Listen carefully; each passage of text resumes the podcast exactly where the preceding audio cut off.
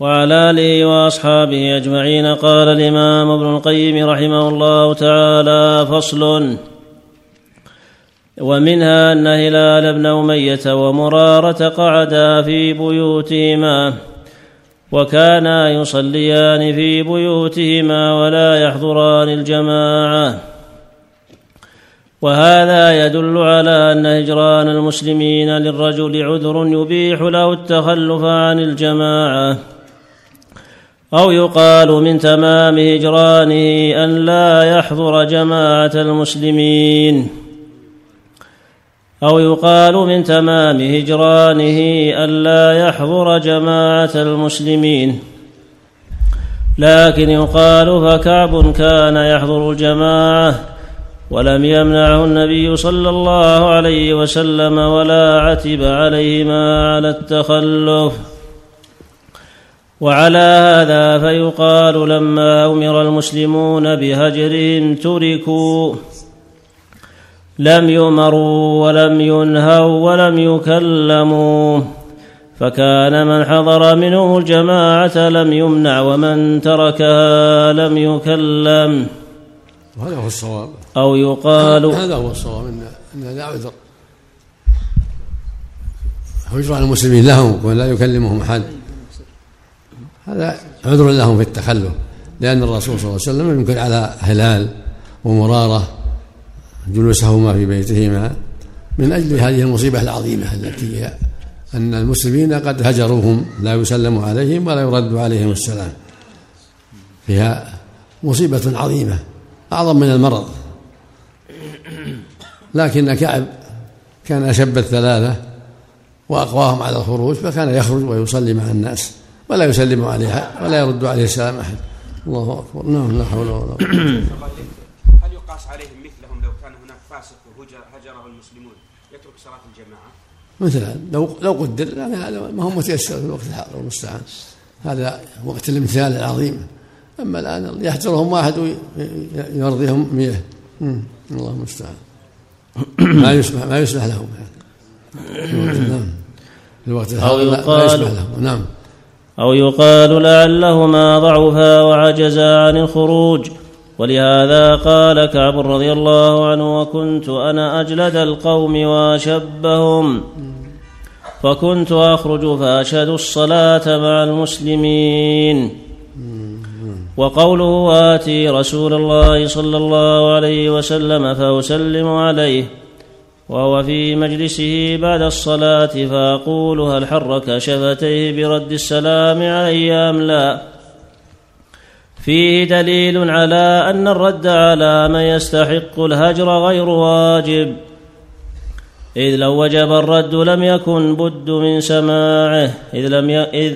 إذ لو وجب الرد لم يكن بد من إسماعه.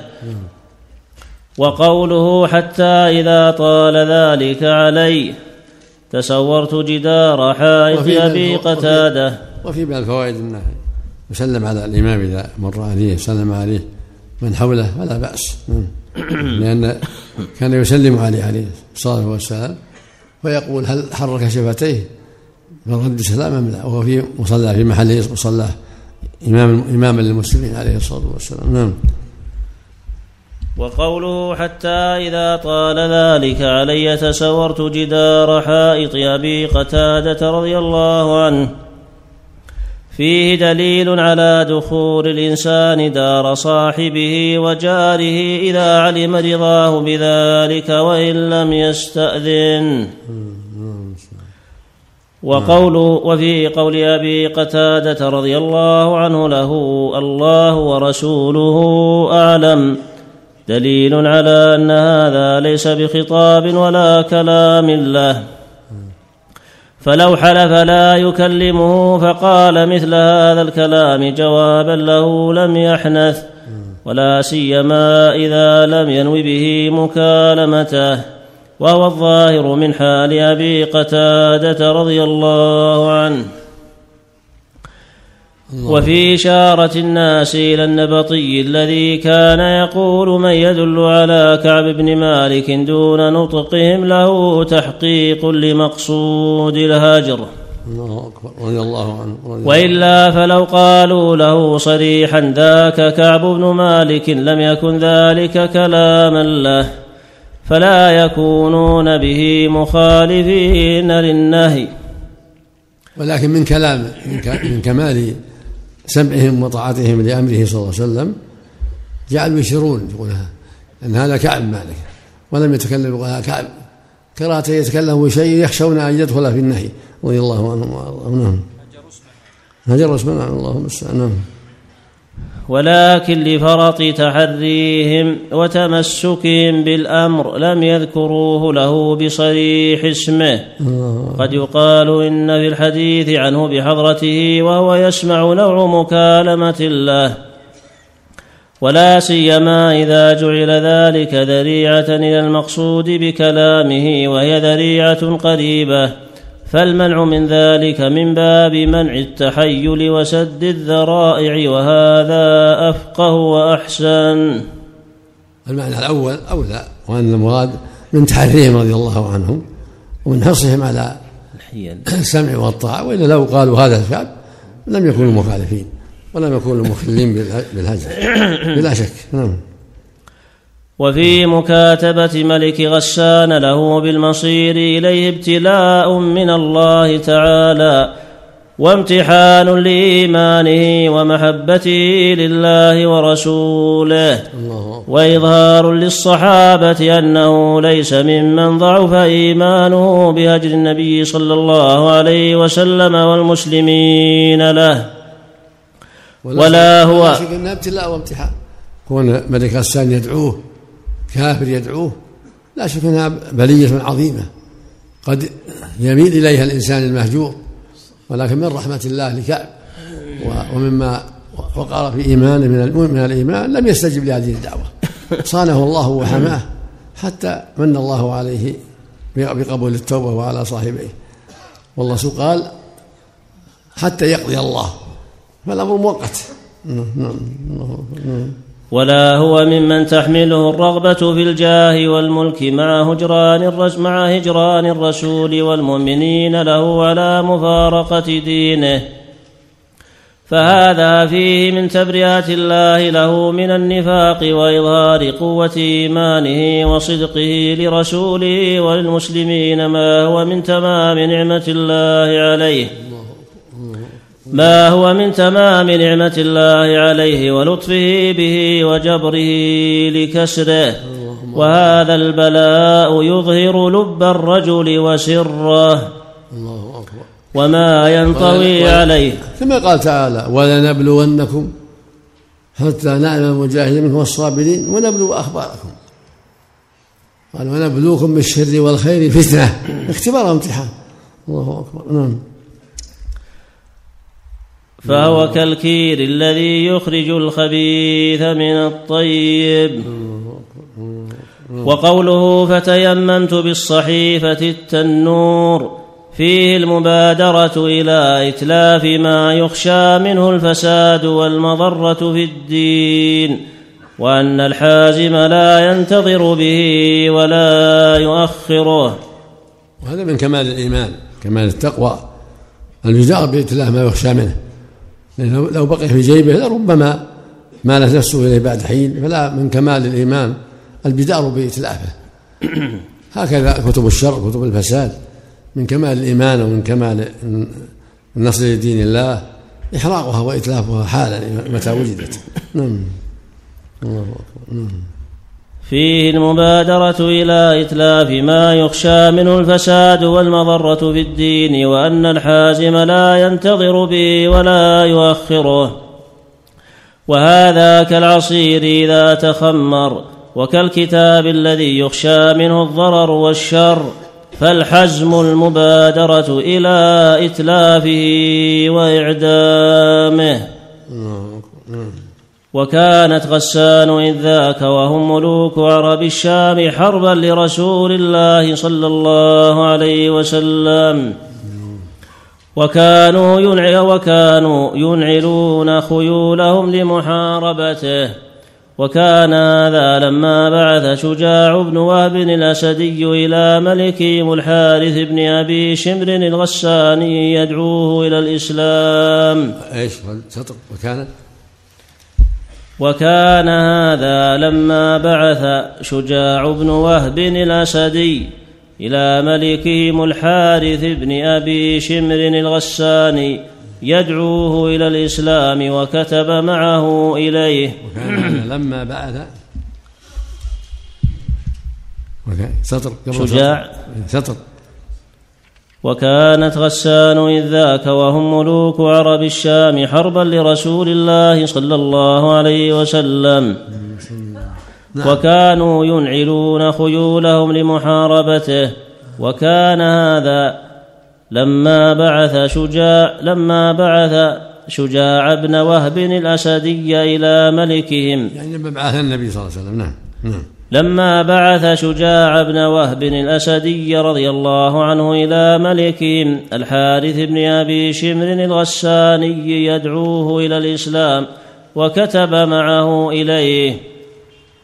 قال شجاع فانتهيت إليه وهو في غوطة دمشق وهو مشغول بتهيئة الأنزال والألطاف لقيصر.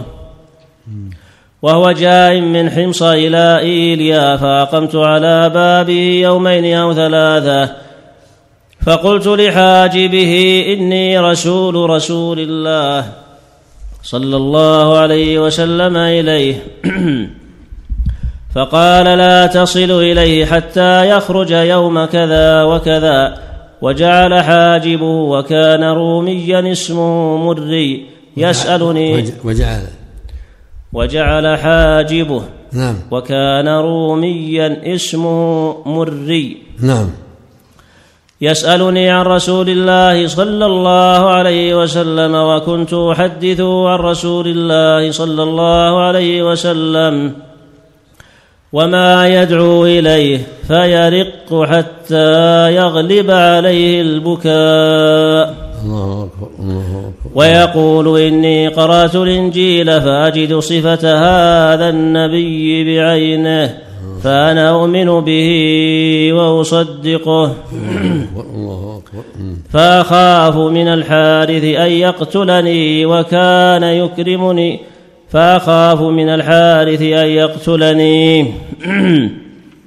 وكان يكرمني ويحسن ضيافتي. وخرج الحارث يوما فجلس فوضع التاج على رأسه فأذن لي عليه. فدفعت إليه كتاب رسول الله صلى الله عليه وسلم فقرأه ثم رمى به.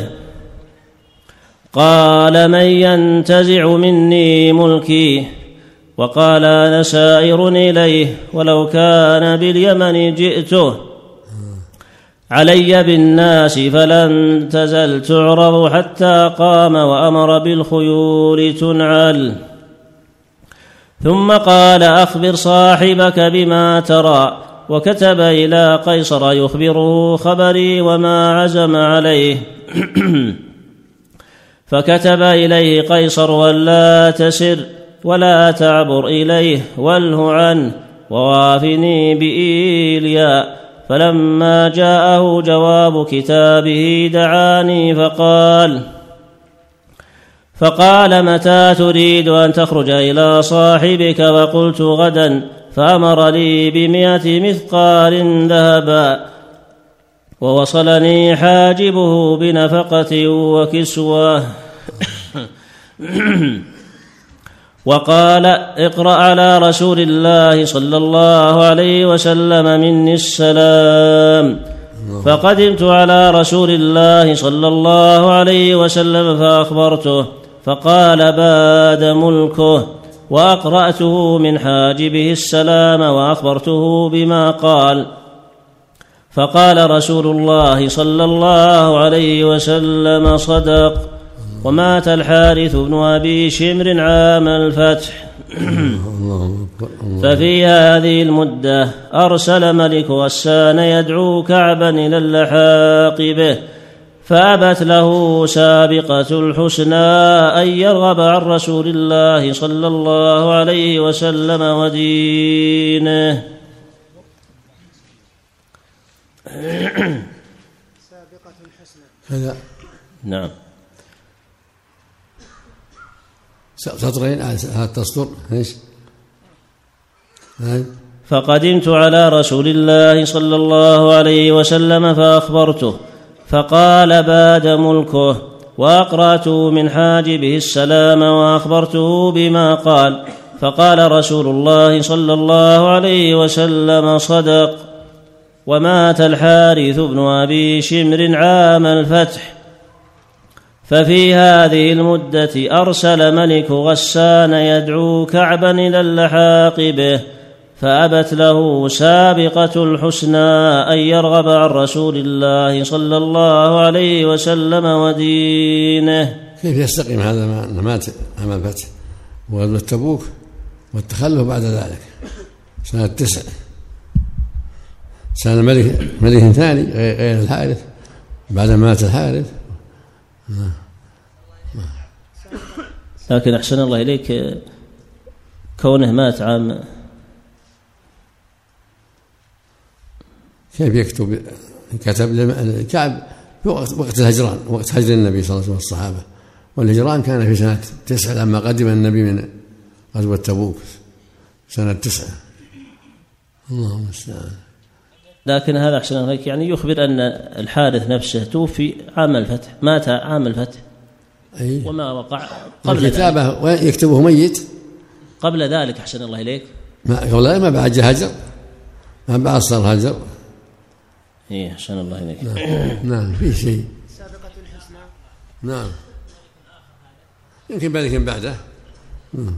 لكن ظاهر ظاهر السياق إنه في الحال نفسه. نعم. لعل لعله مات بعد ذلك. لعله مات. سنة حجة الوداع أو شيء. يمكن نعم. سابقة الحسنى. إيه.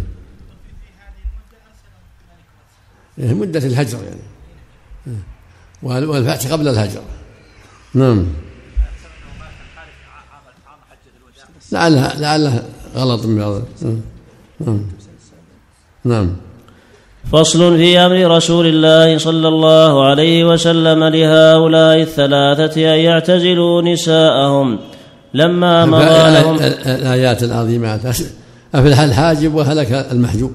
الله أكبر. الحاجب الضعيف هداه الله والمحجوب المسكين غره ملكه. لا حول ولا قوة إلا الله المستعان. نعم. الله أكبر. نعم. لما مضى لهم أربعون فصل. ليلة. فصل. في فصل في أمر رسول الله صلى الله عليه وسلم لهؤلاء الثلاثة أن يعتزلوا نساءهم. لما مضى لهم أربعون ليلة كالبشارة بمقدمات الفرج والفتح من وجهين. بركة شيل معك أحسن الله إليك. نعم في الدرس الماضي أحسن الله إليك جاء سؤال عن استعمال الحنة للرجال. أي. رجعت إلى بعض الأحاديث الواردة في هذا. نعم. قال الإمام أحمد رحمه الله حدثنا عبد الله حدثني أبي حدثنا أبو عامر حدثنا عبد الرحمن. يعني ابن أبي الموالي عن أيوب بن حسن بن علي بن أبي رافع. عن أيوب بن حسن بن علي بن أبي رافع عن جدته سلمى خادم رسول الله صلى الله عليه وسلم. قالت ما سمعت أحدا قط يشكو إلى رسول الله صلى الله عليه وسلم وجعا في رأسه. إلا قال احتجم ولا وجعا في رجليه إلا قال اخضبهما بالحناء قال أبو داود في سننه حدثنا محمد بن الوزير الدمشقي حدثنا يحيى يعني ابن حسان حدثنا عبد الرحمن بن أبي الموالي حدثنا فائد مولى عبيد الله بن علي بن أبي رافع عن مولاه عن مولاه عبيد الله بن علي بن أبي رافع عن جدته سلمى خادم رسول الله صلى الله عليه وسلم. قالت ما كان أحد يشتكي إلى رسول الله صلى الله عليه وسلم وجعا في رأسه إلا قال احتجم ولا وجعا في رجليه إلا قال اخضبهما قال الإمام الترمذي في سننه باب ما جاء في التداوي بالحناء حدثنا أحمد بن منيع حدثنا حماد بن خالد الخياط حدثنا فائد مولى لآل أبي رافع عن علي بن بن عبيد الله عن جدته سلمى وكانت تخدم النبي صلى الله عليه وسلم. قالت ما كان يكون برسول الله صلى الله عليه وسلم قرحة ولا نكبة إلا أمرني رسول الله صلى الله عليه وسلم أن أضع عليها الحناء قال أبو عيسى هذا حديث حسن غريب إنما نعرفه من حديث فائد وروى بعضهم هذا الحديث عن فائد وقال عن عبيد الله بن علي عن جدته سلمى. عبيد الله بن علي صح ويقال سلمى حدثنا محمد بن العلاء حدثنا زيد بن حباب عن فائد مولى عبيد الله بن علي عن مولاه عن مولاه عبيد الله بن علي عن جدته عن النبي صلى الله عليه وسلم نحوه بمعناه. وقال ابن ماجه في سننه باب الحناء حدثنا أبو بكر بن أبي شيبة حدثنا زيد بن الحباب حدثنا فائد مولى عبيد الله بن علي بن أبي رافع.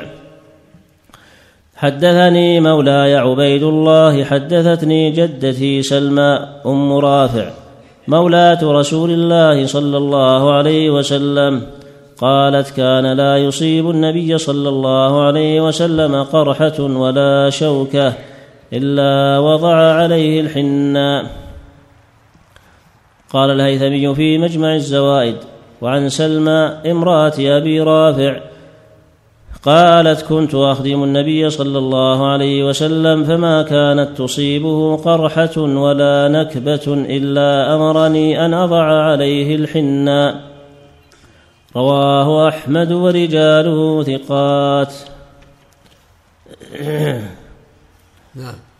وقال البغوي في شرح السنة ويروى عن عبيد الله بن علي بن أبي رافع عن جدته سلمى خادمة رسول الله صلى الله عليه وسلم قالت ما كان أحد يشتكي إلى رسول الله صلى الله عليه وسلم وجعا في رأسه إلا قال احتجم ولا وجعا في رجليه إلا قال اخضبهما يعني بالحنى ويروى بهذا الإسناد قالت ما كان يكون برسول الله صلى الله عليه وسلم قرحة ولا نكبة إلا أمرني أن أضع علي الحناء وإسناده غريب يرويه فائد عن مولاه عبيد الله بن علي. وروي عن أبي بكر الصديق أنه صدع فغلف, رأس فغلف رأسه بالحناء وقال الحاكم في مستدركه ذكر سلمى مولاة رسول الله صلى الله عليه وسلم. حدثنا أبو العباس محمد بن يعقوب حدثنا بحر بن نصر قال قرئ على ابن وهب أخبرك عبد الرحمن بن أبي الموالي عن فائد مولى عبيد الله بن علي بن أبي رافع عن عبيد الله بن علي ابن أبي رافع عن جدته سلمى مولاة رسول الله صلى الله عليه وسلم وخادمته قالت قلما كان إنسان يأتي رسول الله صلى الله عليه وسلم فيشكو إليه وجعا إلا قال له احتجم ولا وجعا في رجليه إلا قال اخضبهما بالحناء قال ابن القيم في زاد المعاد فصل في هديه صلى الله عليه وسلم في علاج الصداع والشقيقة. روى ابن ماجه في سننه حديثا في صحته نظر أن النبي صلى الله عليه وسلم كان إذا صدع غلف رأسه بالحنى ويقول إنه نافع بإذن الله من الصداع. والصداع ألم في بعض أجاء الرأس أو كله فما كان روى ابن ماجه. روى ابن ماجه في سننه حديثا في صحته نظر. نعم. أن النبي صلى الله عليه وسلم كان إذا صدع غلف رأسه بالحناء ويقول إنه نافع بإذن الله من الصداع. والصداع ألم في بعض أجزاء الرأس أو كله فما كان منه في أحد شقي الرأس لازما يسمى شقيقة. وإن كان شاملا لجميعه لازما يسمى بيضة وخودة تشبيها ببيضة السلاح التي تشتمل على الرأس كله ربما كان في مؤخر الرأس أو في مقدمه. وأطال أحسن الله إليك على الصداع. نعم. وأطال في أنواع الصداع وما يتعلق به. بس كلام على الحديث. ما نعم. تكلم وقال لا ما في كلام. ها؟ انتهى كلام عن الحديث. في شيء على الحديث ما في شيء. نعم فيه إيه. قال ابن مفلح في الآداب الشرعية فصل في الصداع وأسبابه وفائدة الحجامة والحناء فيه. آه. عن سلمى خادم النبي صلى الله عليه وسلم قالت ما سمعت أحدا قط يشكو إلى رسول الله صلى الله عليه وسلم وجعا في رأسه إلا قال له احتجم. ولا وجعا في رجليه إلا قال اخضبهما بالحناء الحديث رواه أحمد وأبو داود ولأحمد أيضا والترمذي وابن ماجه بالإسناد الحسن. قال كنت أخدم النبي صلى الله عليه وسلم فما كان تصيبه قرحة ولا نكبة. هنا قال قالت كنت أخدم النبي صلى الله عليه وسلم. قال ابن مفلح قال ابن مفلح قال ابن مفلح في الآداب الشرعية. نعم. فصل في الصداع وأسبابه وفائدة الحجامة والحناء فيه.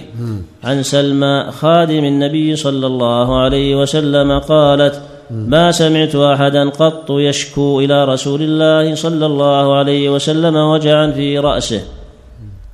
إلا قال له أحتجم ولا وجعا في رجليه إلا قال اخضبهما بالحناء الحديث رواه أحمد وأبو داود ولأحمد أيضا والترمذي وابن ماجه بالإسناد الحسن. قال كنت. قالت بعده؟ كنت أخدم النبي صلى الله عليه وسلم. قالت. أحسن الله إليك. قالت كنت أخدم النبي صلى الله عليه وسلم. فائد في التقريب فائد في التقريب عبيد الله بن علي بن بن أبي رافع ها؟ فائد يقول فائد مولى عباد باللام صدوق من السابعة أما عبيد الله بن عمر آه، عبيد الله بن عمر لا، عبيد الله. بن علي بن أبي رافع المدني يعرف بعبادل ويقال فيه علي بن عبيد الله لين الحديث من السادسة. أبو داود والترمذي وابن ماجه. وفائد في فائد؟ آه، فائدة نعم هذا فائد. آه، مولى عبادل باللام صدوق من السابعة أبو داود والترمذي وابن ماجه. طيب. نعم. ذكر لين الحديث. نعم. كمل. أحسن الله إليك. ولأحمد أيضا والترمذي وابن ماجه بالإسناد الحسن. قال كن قالت كنت أخدم النبي صلى الله عليه وسلم. فما كانت تصيب قرحة ولا نكبة إلا أمرني أن أضع عليها الحناء وروى ابن ماجه أنه عليه السلام كان إذا صدع غلف رأسه بالحناء وروى. وروى ابن ماجه نعم. أنه عليه السلام كان إذا صدع غلف رأسه بالحناء ويقول إنه نافع بإذن الله من الصداع. تكلم عن الحناء أحسن الله إليك. قال والحناء بارد في الأولى يابس في الثانية. وقيل معتدل الحر, الحر والبرد. وقوة شجرة مركبة من قوة محللة. اكتسبها من جوهر فيها مائي حار باعتدال. ومن قوة قابضة اكتسبها من جوهر فيها ري بارد. وهو محلل نافع من حرق النار. محلل. وهو محلل نافع من حرق النار وينفع مضغه من قروح الفم والسلاق العارض فيه. وإذا خلط نوره مع الشمع المصفى ودهن الورد نفع من أوجاع الجنب ويفعل في الجرح فعل دم الأخوين. ومن خواصه أنه إذا لطخ به أسفل الرجلين أول خروج الجدر أمن على العينين منه صحيح مجرب وإذا جعل نوره بين طي ثياب الصوف طيبها ومنع السوس عنها ودهنه يحلل الإعياء ويلين العصب وإذا نقع ورقه في ماء عذب يغمره ثم عصر وشرب من صفوه أربعين درهما كل يوم عشرين يوما مع عشرة دراهم سكر وتغدى عليه وتغدي عليه بلحم الضأن الصغير نفع من ابتداء الجذام بخاصية فيه عجيبة وينفع الأظفار معجونا ويحسنها ويعجن بسمن ويضمد به بقايا ورم حار الذي يرشح ما نصفر وينفع من الجرب المتقرح منفعة بليغة وهو ينبت الشعر ويقويه ويحسنه ويقوي الرأس وينفع من النفاخات والبثور العارضة في البدن وشرب نصف مثقال منه ينفع من القولنج ومن خواصه إذا خضب به الرجل أصبح البول أحمر كبول المحموم.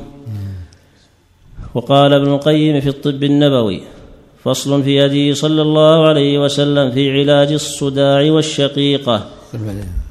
تكميل غير هذا غير الليل أحسن الله نعم. إليك. نعم. على كل حال الفائدة أن إذا دعت الحاجة إليه لا لقصد التشبه وإنما هو للعلاج ما يكون تشبه. نعم نعم أحسن الله إليك. نعم. هذا فيها سند علي بن عبيد الله عبيد الله به لين كما قال الحافظ لكن المهم التجارب. نعم. نعم. كما قال صاحب العالم الشرعي بمهله. نعم. نعم. في سؤال السؤال. بس طاحت من توهنا لكونه ترك قراءة الفاتحة في إحدى الركعات إيه. ولم يقم المأمون المأمومون معه لكونهم ظنوا أنه زاد خامسة. فهل يلزمهم الإمام؟ وجدت بحث وجدت بحث. أنا عمت واحد منكم يراجع. نعم. أنت يا عبد العزيز وجدت شيء؟ إن واضح؟ لا ما في شيء يعني نص في الموضوع لكنها قريب منه إيه؟ عندي موجود في البيت. تجيبه تجيبه إن شاء الله. إن شاء الله. نعم. ليله الاثنين إن شاء الله. بإذن الله. نعم. أحسن الله إليك. سائل يسأل يقول شخص له حقوق مالية ووكل محاميا لتحصيلها وبعض هذه الأموال فوائد ربوية فهل يجوز إعطاء المحامي أجرته من هذه الفوائد الربوية؟ وهل يجوز تسديد ديون المعسرين من هذه الفوائد؟ هاي. شخص له حقوق مالية ووكل محاميا لتحصيلها وبعض هذه الأموال فوائد ربوية. فهل يجوز إعطاء المحامي أجرته من هذه الفوائد الربوية؟ وهل يجوز تسديد ديون المعسرين من هذه الفوائد؟ ليس له يعطي المحامي اجرته من المواد الربوية. لا يعطيه من ماله ما يعطي من الاموال الربوية.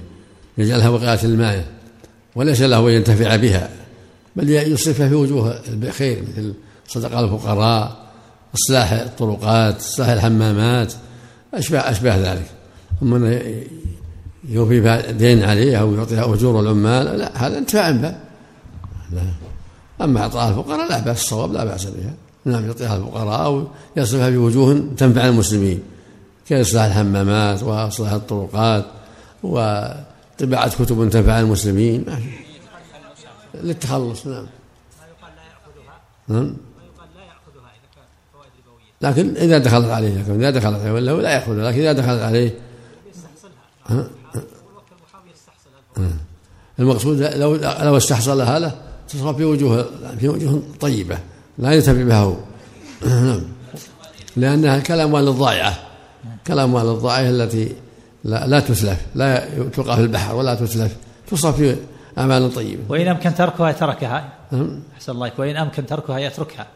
لا يأخذ. من عمل البنوك لا يأخذ لأن أخذ من البنوك وسيلة إلى الانتفاع بها. بل يجب الحذر منها والمعاملة بها. لكن متى دخلت عليه؟ صرفها. لا يخبره. لا يخبر الفقير نعم. نعم. متكاسلان في الصلاة أو بعض المعاصي. ما هو الأصل الشرعي في التعامل معه؟ وش فيه؟ الأصل الشرعي الله يحسن إليك التعامل مع القريب كثير المعاصي أو المتكاسل في الصلاة أو الجار النصيحة النصيحة والتوجيه الخير. والأمر بالمعروف والنهي عن المنكر. فإذا أعلن المعاصي ولم يقبل استحق الهجر. نعم. الله عليك من فرط وقال إذا كانت الفوائد الربوية من بنك في دولة كافرة أن يأخذها خشية أن يكون ما فيه التفريق لا ما فيه التفريق الربا محرم مع الكفر مع الكافر والمسلم.